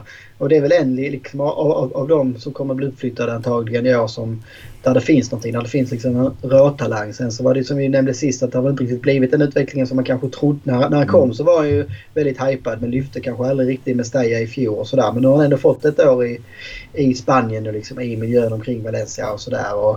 Eh, mycket tyder liksom på att han kommer att få chanser i A-laget. Mm. Eh, så det är ju mer bara liksom att han själv också tar, tar chanserna på något sätt.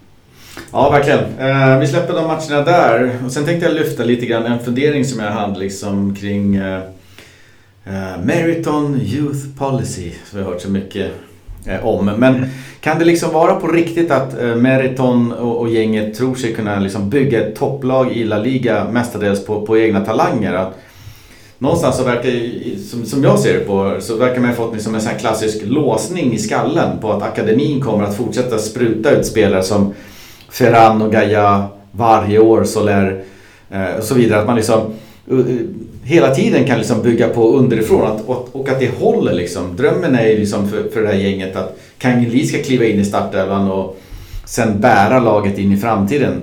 Jag drömmer också om det. Det är, liksom, det är inte det. Jag hoppas också att han tar det där steget och så. Eh, men vi är inte där. Eh, och frågan är om Kangin kommer dit. Att han blir en, liksom, en statsspelare för ett Valencia i toppen eller inte. Det vi har sett hittills så har han ju inte riktigt varit startspelarmaterial. Eh, Förvisso ofta aningen på fel plats, men ändå. Och sen så, ja, han har väl haft sina skador och, och kanske inte fått rätt chans. Vad vet jag? Det finns många parametrar i det där. Men eh, han har inte klivit in på samma sätt som, som till exempel Ferran Torres gjorde. Uh, så att, jag vet inte. Det känns som att de säger oj, kolla vad bra det kan gå om man tar upp eh, akademispelare och låter dem spela, sen säljer man dem. Ja, fast du har ingen garanti överhuvudtaget. Du kan inte bestämma när du ska få upp en, en eh, Carlos Soler från akademin. Du kan följa en spelare i flera år. Så den här Jordi Escobar till exempel, han har ju krossat alla målrekord tänkte jag säga i stort sett hela tiden. Men, men han är inte på tapeten för att lira i Valencia. Liksom, Nej, du kan inte bestämma det där. De verkar... Jag, inte. Hoppas, jag hoppas det är liksom så här. För mig är det ju för mig är det antingen eller. Alltså, du, jag tror inte du, du liksom så kan inte säga i samma mening att vi ska bygga ett långsiktigt topplag i La Liga eh, och att vi, vi ska göra det bara på egna talanger. Alltså det är väldigt få lag som gör i toppfotbollen som både kan liksom så vara bra på att få in unga, unga spelare och samtidigt få liksom framgång och bli topplag. Alltså kollar man mm. runt omkring i Europa. Det är väl kanske Dortmund. Alltså det, det är väl liksom det bästa exemplet där man lyckas liksom kombinera det. Sen så vinner de inte jättemycket titlar kanske. Men de är Nej, ändå liksom Ajax har de med, också klassiska. Ja fast det är väl mer alltså, jag tänker ändå att det är en sämre liga. Sen så har ja, de en, en bra liksom, eh, sprint i Champions League där man tog, tog så långt och sådär. Men jag tänker liksom... Men de har en unik kolla... position i Holland också. De är ju den största ja, klubben. Ja, och de har historiken. Alltså de har gjort det här liksom i hundra år höll jag på mm. alltså, Det har ju varit deras policy från början. Liksom, att man, man, man ska liksom bygga en akademi. Och det var ju som jag sa inne, det, det tar ju tid. Och det är samma med Dortmund. Liksom. Alltså, det är ju inte bara, bara så att de sa för tre år sedan, ja, men nu börjar vi liksom försöka hitta, hitta unga spelare som liksom kan blomma ut och sen så kan vi sälja dem vidare. Men det, det, det jag hoppas, eller hoppas vet jag inte, men det, det jag i alla fall hoppas att, att de har tänkt det är så här. De är liksom ägare, ekonomiskt eh, tänkande ägare får man väl ändå utgå från även om man ibland undrar. Mm. Eh, och jag, jag tror så här hur, hur ska man kunna mjölka pengar maximalt ur en fotbollsklubb? Liksom? Alltså de, de, de kanske insett så här. Alltså det är jävligt tunn, det är jävligt tunn linje, tunn tråd att försöka så göra det genom att vara topplag år efter år efter år. För det kostar för mycket. Alltså det kostar för mycket, mycket, mycket att hålla sig som topplag varje år och komma till Champions League var, var, var, varje år. Chansningen som de går på nu är istället så. Kan vi, liksom, kan vi få fram talanger? Kan vi liksom så, det är väldigt billigt att få fram en talang om man säger så. Eh, och kan vi liksom sälja en spelare varje år för 50 miljoner? och då liksom det, det du vaskar liksom, eller hur man ska uttrycka det, är ju liksom att nej, vi, vi, vi kommer inte vara ett stabilt topplag. Eh, men det får det vara värt. Alltså, jag tror, jag tror liksom att man skiter i det sportsliga. Om man liksom ska ta Maritons youth policy så tror jag liksom att den går inte ut på att eh, bygga ett topplag i La Liga. Utan den går ut på liksom det rent ekonomiska incitament för att få till en bra sån. Ja, och en bra akademi. Det är ju grundpelaren i alla klubbar. Att du har en akademi som, som eh, föder A-laget med spelare. Men det, är jättesvårt att bestämma när de här tangarna som blir tillräckligt bra för A-laget ska komma. Det är därför alla klubbarna har en jättestor trupp. Som tar den här Takefusa Kubo till exempel. Som man lånar ut eh, år efter år för att han ska få speltid. Martin Ödegaard är väl ett annat exempel som har lånat ut i, i, i, flera år för att han ska få speltid någon annanstans. Eh, I sådana fall så ska ju Kangin och, och, några andra gå ut på lån så att de får spela och får erfarenheten och sen komma tillbaks. Eh, men de, jag vet inte, de... Och du var inne på det också, satte huvudet på spiken. De spelarna som de liksom nu slår sig för bröstet för i Meriton Youth Policy, de var ju här innan Meriton kom. Ja, men det är ju det liksom alltså. Maritons Youth Policy kommer vi liksom få se resultatet av om tre, fyra, fem år tidigast kanske. Eh, de, de, de spelarna som kommer fram nu och som kommer fram de senaste åren kommer fram liksom de, de kommande åren. Det är ju spelare som tidigare ägare, som tidigare liksom så akademiarbete, akademistrategi och eh, akademitränare. Det är ju de som har liksom format de spelarna på något sätt. Mm. Eh, så att eh, jag hoppas de har rätt såklart att de har någon youth policy och en, en liksom ungdomsverksamhet som, som fortsätter producera väldigt, väldigt bra spelare som, som tar en plats i Valencia. Men, men det jag säger är bara att det, du kan värva 30 talanger och ingenting, ingen av dem blir La Liga bra eller Valencia bra. Du kan inte bestämma riktigt det där. Exakt, Nej, det, är just det som är det svåra. Liksom, att hitta att du både vill ha en bra akademi och vara framgångsrik i ligan. Alltså den balansen. Det, alltså, så vill ju alla klubbar ha det. Alltså, mm. Det är ju det är liksom the perfect match. Att du har liksom varje år så har du störst, stor del liksom av, av ditt lag byggs upp av billiga spelare från egna, egna liksom leden. Och sen kan du då krydda det med två, tre stjärnspelare kanske. Alltså, så, så det finns ju liksom ingen klubb i världen som inte skulle vilja ha det så. Om man säger Exakt. så. Eh, men problemet är ju ofta att eh, Ja men dels att det är väldigt svårt att hitta den balansen och att det blir som du säger att någon säsong kommer du kanske två, tre, sen kan det dröja tre, fyra år. Sen så kommer mm. det inte upp någon, någon alls och då... Eh, då, då ska man liksom fortfarande ha tålamodet och det är också... Man ska också komma ihåg liksom att fotbollen idag är betydligt mer så att spelare i yngre och yngre ålder lämnar. Alltså även om Valencia skulle få fram jättefina talanger liksom i sin akademi. Så länge det är det här kaoset som blir liksom ja. i A-truppen så kommer liksom de spelarna kommer vilja kolla på andra klubbar så fort de kommer upp i 16-17 års ålder. De, de kommer aldrig liksom så vilja chansa på att vara kvar i Valencia för att man vet liksom att där är det bara kaos. Var, varför, alltså, ingen kommer att ha drömmen, precis som alltså så här Carlos Soler pratar om och Garriär pratar om. Att, men, och Jaume pratar om. Men drömmen när man liksom ung spelare det var ju liksom... Man, man, man såg ju upp liksom på, på Albelda i generationen och liksom de här framgångsrika lagen på något sätt. Och det ska man nog inte heller underskatta liksom så, i en akademi. Att du har liksom ett representationslag längst upp som du ser, ser upp till eller hur man ska uttrycka det.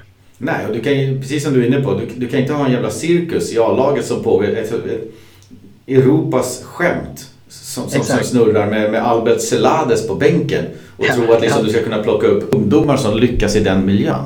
Ja. Du måste ha ordning på, på moderskeppet först. Exakt. Nej, men du, du måste ju ha balansen där för att annars så, eh, ja, annars så blir det ju typ som ett BP. Om man ja. så. Alltså, talangerna kommer ju försvinna liksom så fort de kommer upp i könsmogen ålder mm. så kommer liksom storklubbarna hugga på dem och då, då kommer liksom inte man ha några incitament att stanna i Valencia utan det vill man inte chansa på att bli kvar där. Nej, märkligt. Eh, jag vet inte om jag ska säga att det blir spännande att följa Meriton Youth Policy men, men det, det trummas hårt på olika interna Valencia, Singapore-medier kring det där i alla fall. Ja, man är väldigt glada för att ta åt sig liksom äran när mm. det är någon spelare som har kommit från Valencia sina led där man kanske inte själva haft mycket, mycket fingrar med i spelet egentligen. Mm. Nej, så är det. Eh, vi går vidare till spelschemat som nu är släppt. Eh, och Valencia får ju en eh, lämplig start på säsongen. Såklart, beroende på hur det går. Men det är Levante hemma, Celta Vigo borta, Huesca hemma, Sociedad borta, Betis hemma. Så det är liksom inte någon supertuff start i första fem matcherna. Och det skulle nog vara lämpligt att ta lite poäng där.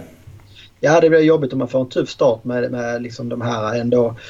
Men rent krasst kollar man de här lagen så ja, Sociedad och Bebetis kommer kanske vara lag som, som Valencia liksom slåss med inom, inom liksom räckhåll i tabellen. Men Levante, Celta Vigo och Huesca är ju lag som man behöver ha bakom sig. Mm. Uh, två av dem dessutom på hemmaplan. Så att, uh, kollar vi de här fem, fem inledande matcherna och 15 poängen så ska ju Valencia ha tvåsiffrigt poäng efter, efter den här starten för att känna liksom att man är med och utan att det ska bli panik redan i, i oktober.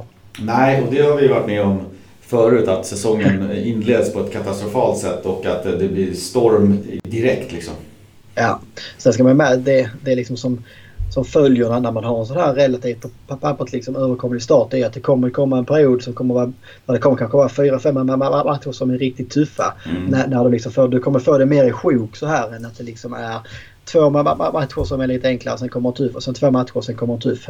Nu är det liksom fem, sex som är ja, överkomliga. Sen så kommer det säkert komma tre, fyra i rad kanske där, eh, där man kommer att ha betydligt tuffare att ta, ta poäng.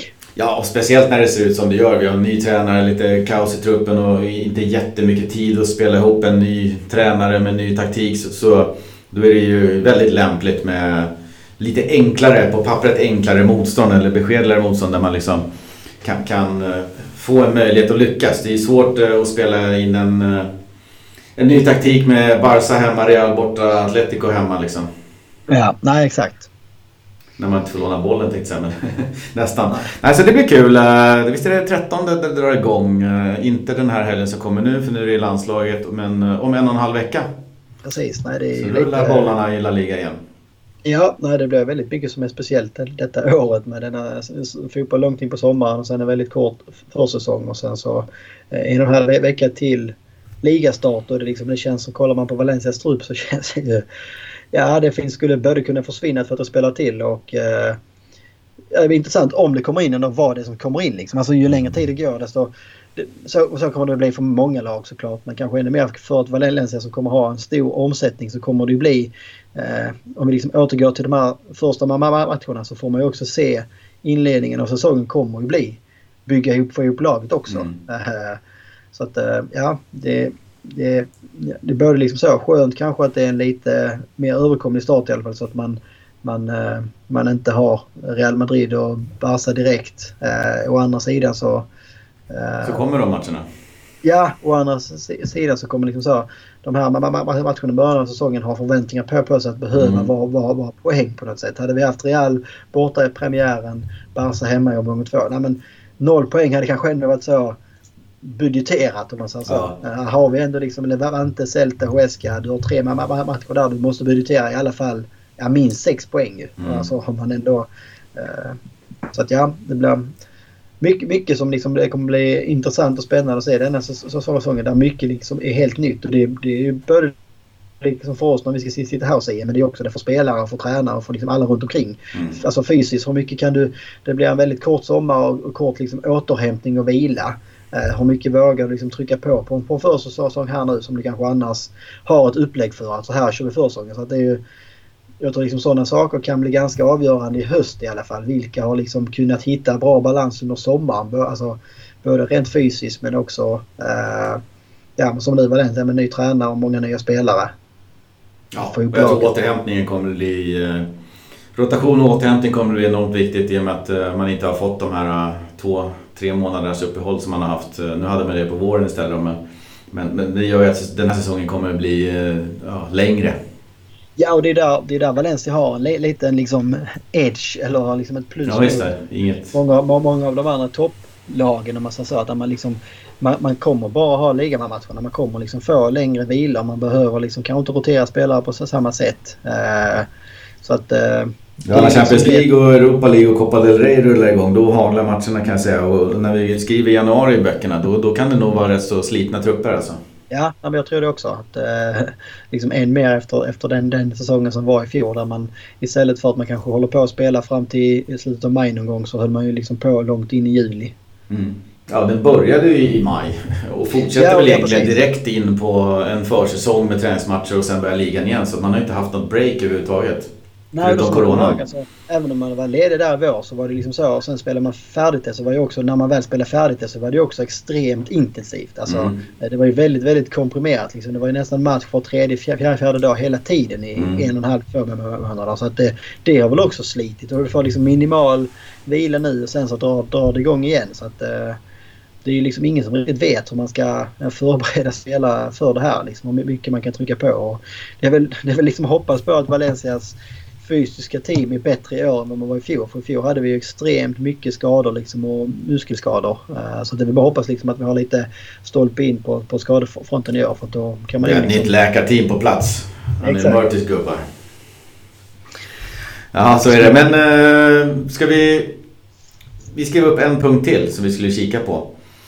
Uh, och det är ju sprickan egentligen då mellan ägare, VD Anil Murti och fansen som, som är total. Den, det har inte någon missat med Lim out och Peter Betteja och, och allt det här. Eh, men nu har ju faktiskt Agrupación de Peñas, där ju då vår egen Che Scandinavia är en officiell Peña eh, supporterförening då. då eh, det är inte alltid att de gemensamt går ut med liksom skarp kritik och kräver ditten och kräver datten och, och har den typen av eh, ja, väldigt utåtriktad hård kritik så utan Nej, man är mer stödjer klubben ja. i ur och skur. Men nu har man haft ett litet möte här förra veckan då man faktiskt krävde Anil Murtis omedelbara avgång bland annat.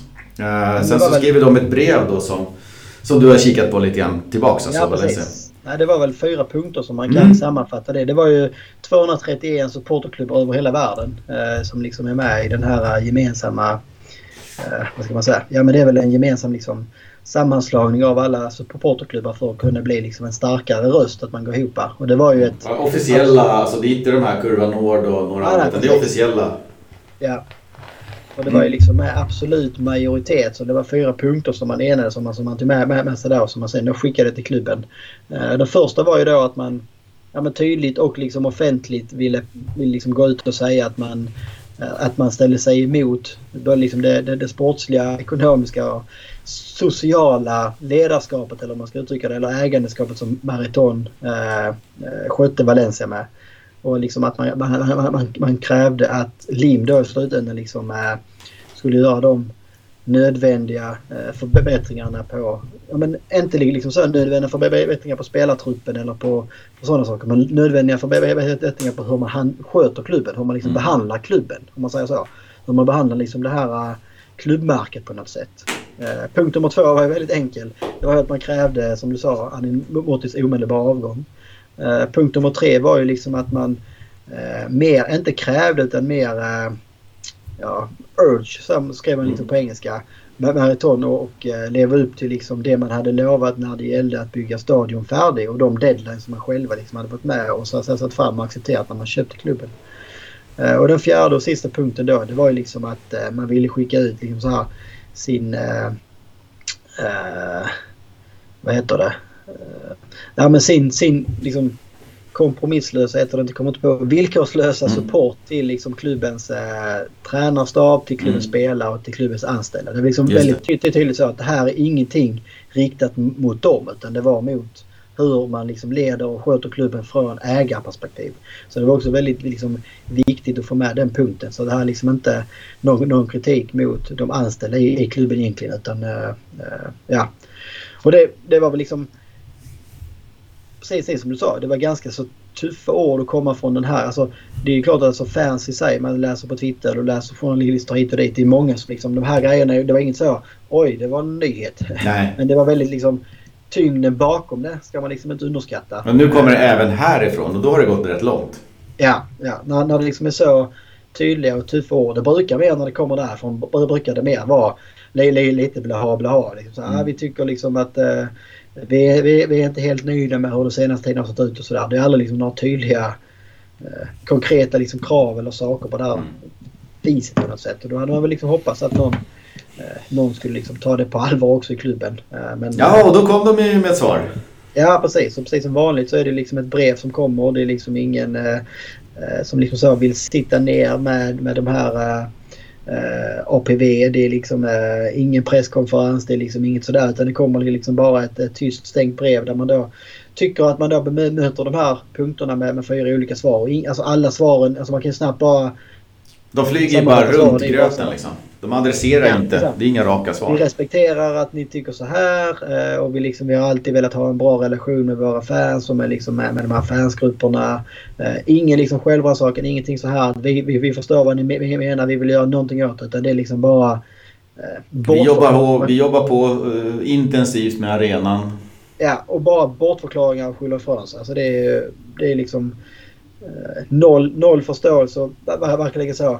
Nej, men ni har ju verkligen inte förstått vad det är liksom, vad det är de här, liksom, vad det är alla eh, Penjer säger. Ni har verkligen inte förstått de här protesterna som är utanför arenan. Ni har verkligen liksom inte förstått vad som händer runt omkring. Alltså, ni är verkligen inne i, i, i er bubbla. Alltså det, det är liksom två helt olika världsbilder som vi pratar om här.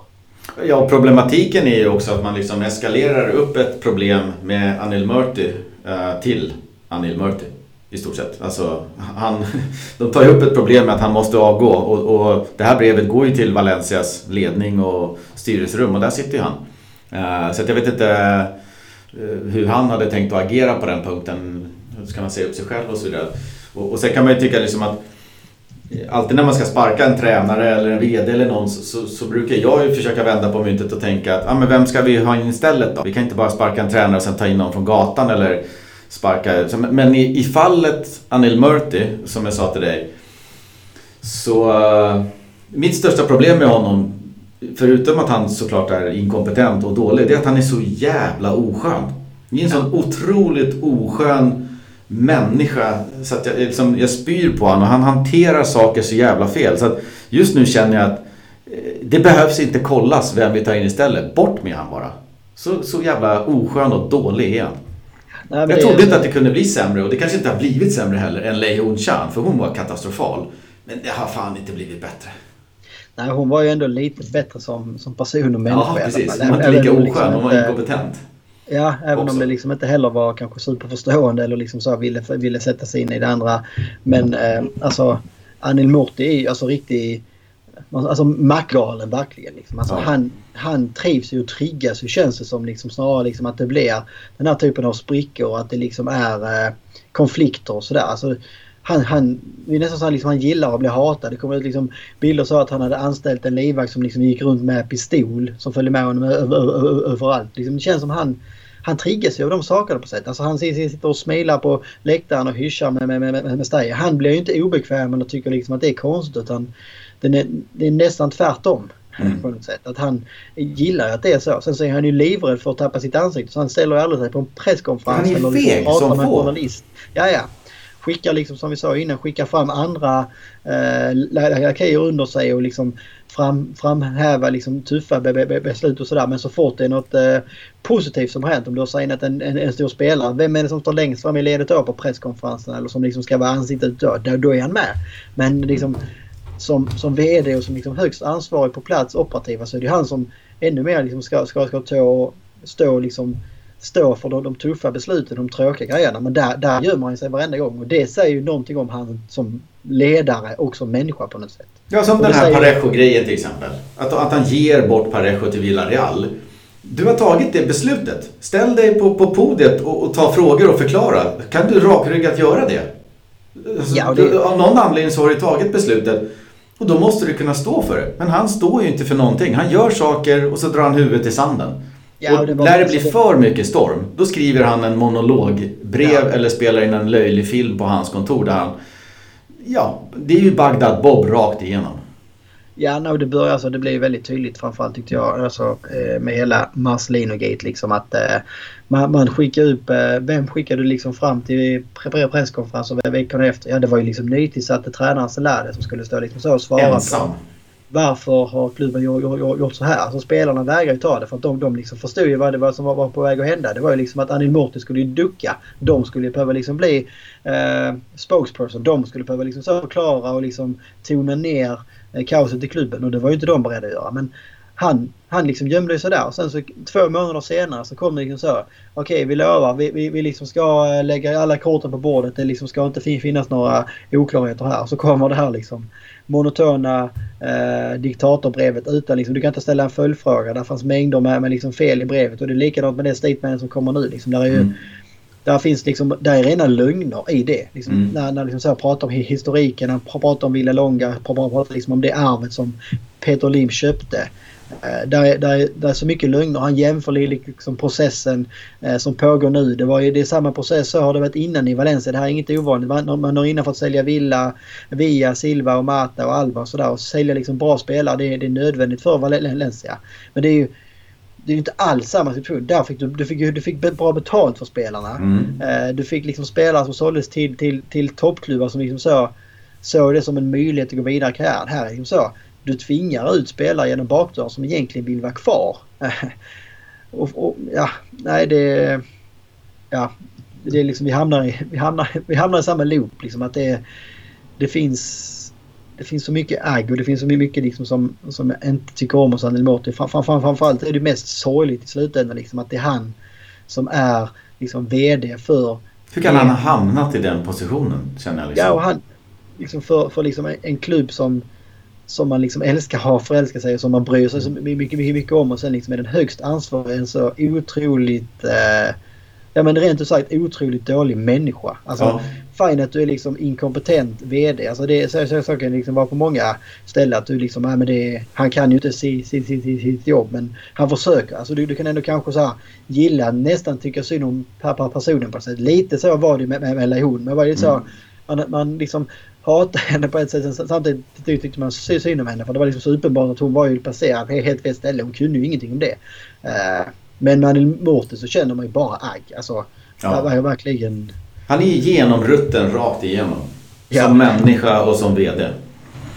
Jag tycker det blir en bra avrundning. Ja, jag, jag ställer mig bakom Penjans eh, omedelbar, eller krav på omedelbar avgång. Eh, det skriver Ja. jag på osett tänkte jag säga, men det, det är nästan understatement. Så att, jättekul att, att man tog bladet i munnen där i det mötet och verkligen eh, satte ner foten. För det finns ju väldigt många andra initiativ med, med kända valencianistas, med Canizares och flera andra som skriver brev och visar oro och det finns folk på gatorna med protester. Så det finns ju väldigt mycket i det här ämnet som liksom som, som, som sipprar fram och hela tiden hålls liksom aktuellt. Att man vill verkligen ha bort Kahn och eh, Meritondo då. Eh, Men att de Penjorna också ställer sig bakom många av de grejerna känns, eh, känns bra. Ja, Nu är det unisont. var som, som jag snackade om innan. Så det är väl det är också det. Både liksom är det så skönt att se att det är liksom de flesta tar det på det, det sättet. Och det var väl liksom så. För första reaktionen för alla tror jag är så. Ah, fan, jag är upp, jag orkar liksom inte bry mig längre. Mm. Alltså, det blir bara botten är aldrig nådd. Det blir bara värre och värre hela tiden. Alltså, kan man kan, kan, kan inte bara få stänga av allting?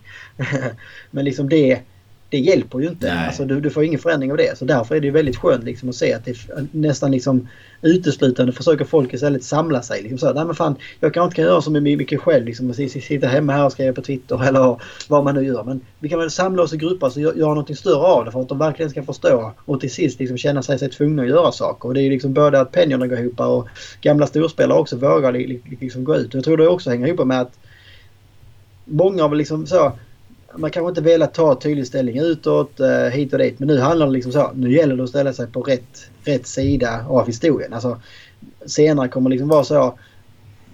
Nu är det liksom kanske... Ja, men det kan ju handla om överlevnad, alltså så krasst är det. Det kan ju vara konkurs Ja, ja, ja. och liksom nedflyttning och hela köret. De kan ju köra absolut i botten. Sen nu är det ju på riktigt på allvar nu. Ja, no, det har ju kommit till ett liksom ultimatum att antingen så är du ju med Marathon eller är du mot dem. Alltså, det finns, du kan inte stå i, mi- i mitten längre. Mm. Och det är väl liksom det. det är väl, nej, precis. det är väl det som de säger senast liksom månadens olika protester och brev och grupper liksom visar på något sätt. Mm. Ja, tyvärr. Äh, Vi går tillbaks till Anil Murti genomrutten som människa och VD. Det får vara slutorden. Nej, jag, jag köper det rakt av. Då så, då har ni fått eh, avsnitt 100 av Valencia-podden och det blev nog, nej, inte riktigt 100 minuter men åtminstone 90. Eh, hoppas ni tycker att det är kul att vi är tillbaks. Eh, vi har ju en ny säsong hela hösten och vi siktar väl på att komma ut med, med en veckas mellanrum eh, och babbla lite matcher och, och sådär och det blir riktigt kul. Eh, nu har vi fått lite semester också eh, och så så att eh, jag är laddad och jag hoppas att ni är laddade också. Ja, så får vi väl se om vi kunde... Det fanns ju lite eh, önskemål och själv en tanke som jag haft liksom om vi skulle hitta det i lite nya... Nu går vi in på vår fjärde säsong och vi har Mm. liksom passerat 100 avsnitt och vi har haft ungefär samma upplevelse. Vi har haft en del gä- gäster och sådär de första säsongerna. Så vi får väl se om vi också kan hitta Eh, men man kunde göra, som vi snackade man kunde göra lite specialavsnitt ibland. Liksom nörda ner sig på någon, någon, någon säsong eller någon händelse mm. och sådär. Lite eh, åt det hållet och sen då fortsätta med, med, med liksom de här nyheterna och snackisarna och, och, och sådär ja. ändå på något sätt. Men att man kan Eh, vi får se hur mycket tid vi har. Det finns mycket ambition men... Eh, ja men så är det. Det är ju en, en eh, hobbypodd så att säga som vi liksom driver på vardagskvällar hemma och så. Och vi tar ju tacksamt emot både förslag på förbättringar och på förslag på uppslag, gäster. Är det någon, någon som vill vara med och dryfta en fråga så är det väl inte omöjligt att vi liksom lyfter in en, en, en av er som lyssnar som vill vara med och babbla lite. Det vore jättekul. Eh, det var någon av alla lyssnare som kom med en ganska bra idé. Eh, att man skulle få ringa in på något sätt till en telefonsvarare och avreagera sig eller liksom släppa lite Ja, aggressioner var det ju eh, det var i det fallet. Men släppa lite tankar och sådär. Och det kanske inte är helt omöjligt att vi gör det. Att man låter alla skicka in en ljudfil och så spelar vi upp dem och så, så kanske du kommenterar lite grann. Så det, det finns många bra förslag där ute. Ös på. Körde man väl på Tipslördag förr på TV4. De hade liksom en telefonsvar folk ringde in sina åsikter och sådär. Det gäller ju... Jag tror de hade problemet då ibland så körde man den live liksom. Det gäller mm. att kunna censurera. Det kanske inte är så farligt för oss men... Eh, men vi kan väl till att börja med så får man väl... Eh, man, man får väl liksom... Om vi inte har en telefonsvar så kan man väl spela in liksom ett eh, röstmemo på sin mobil och skicka den i oss till mail eller någonting. Så Precis. Vi kan väl ha det som ett eh, segment att vi så veckans, eh, veckans röst eller veckans här. Istället för en insändare så blir det ju då en, eh, en eh, muntlig insändare. Så Nej, men absolut, alla har ju en app på sin telefon oavsett vilken telefon man har. Det är säkert en mikrofon på den appen. Så trycker man på den och så babblar man på. Antingen så ställer man lite frågor eller, eller så kommenterar man på något sätt som man känner att det här vill jag lätta mitt hjärta på. Så, så lovar vi att ta med dem om vi inte svär alldeles för mycket. Eh, så, så tar vi med dem i, i, i eh, nästkommande poddar här som kommer. Så att, eh, gör så. Spela in vad ni har på hjärtat och vad som helst så, så, så testar vi det greppet. Absolut. Då så, vi kör ett hasta luego. Hasta luego.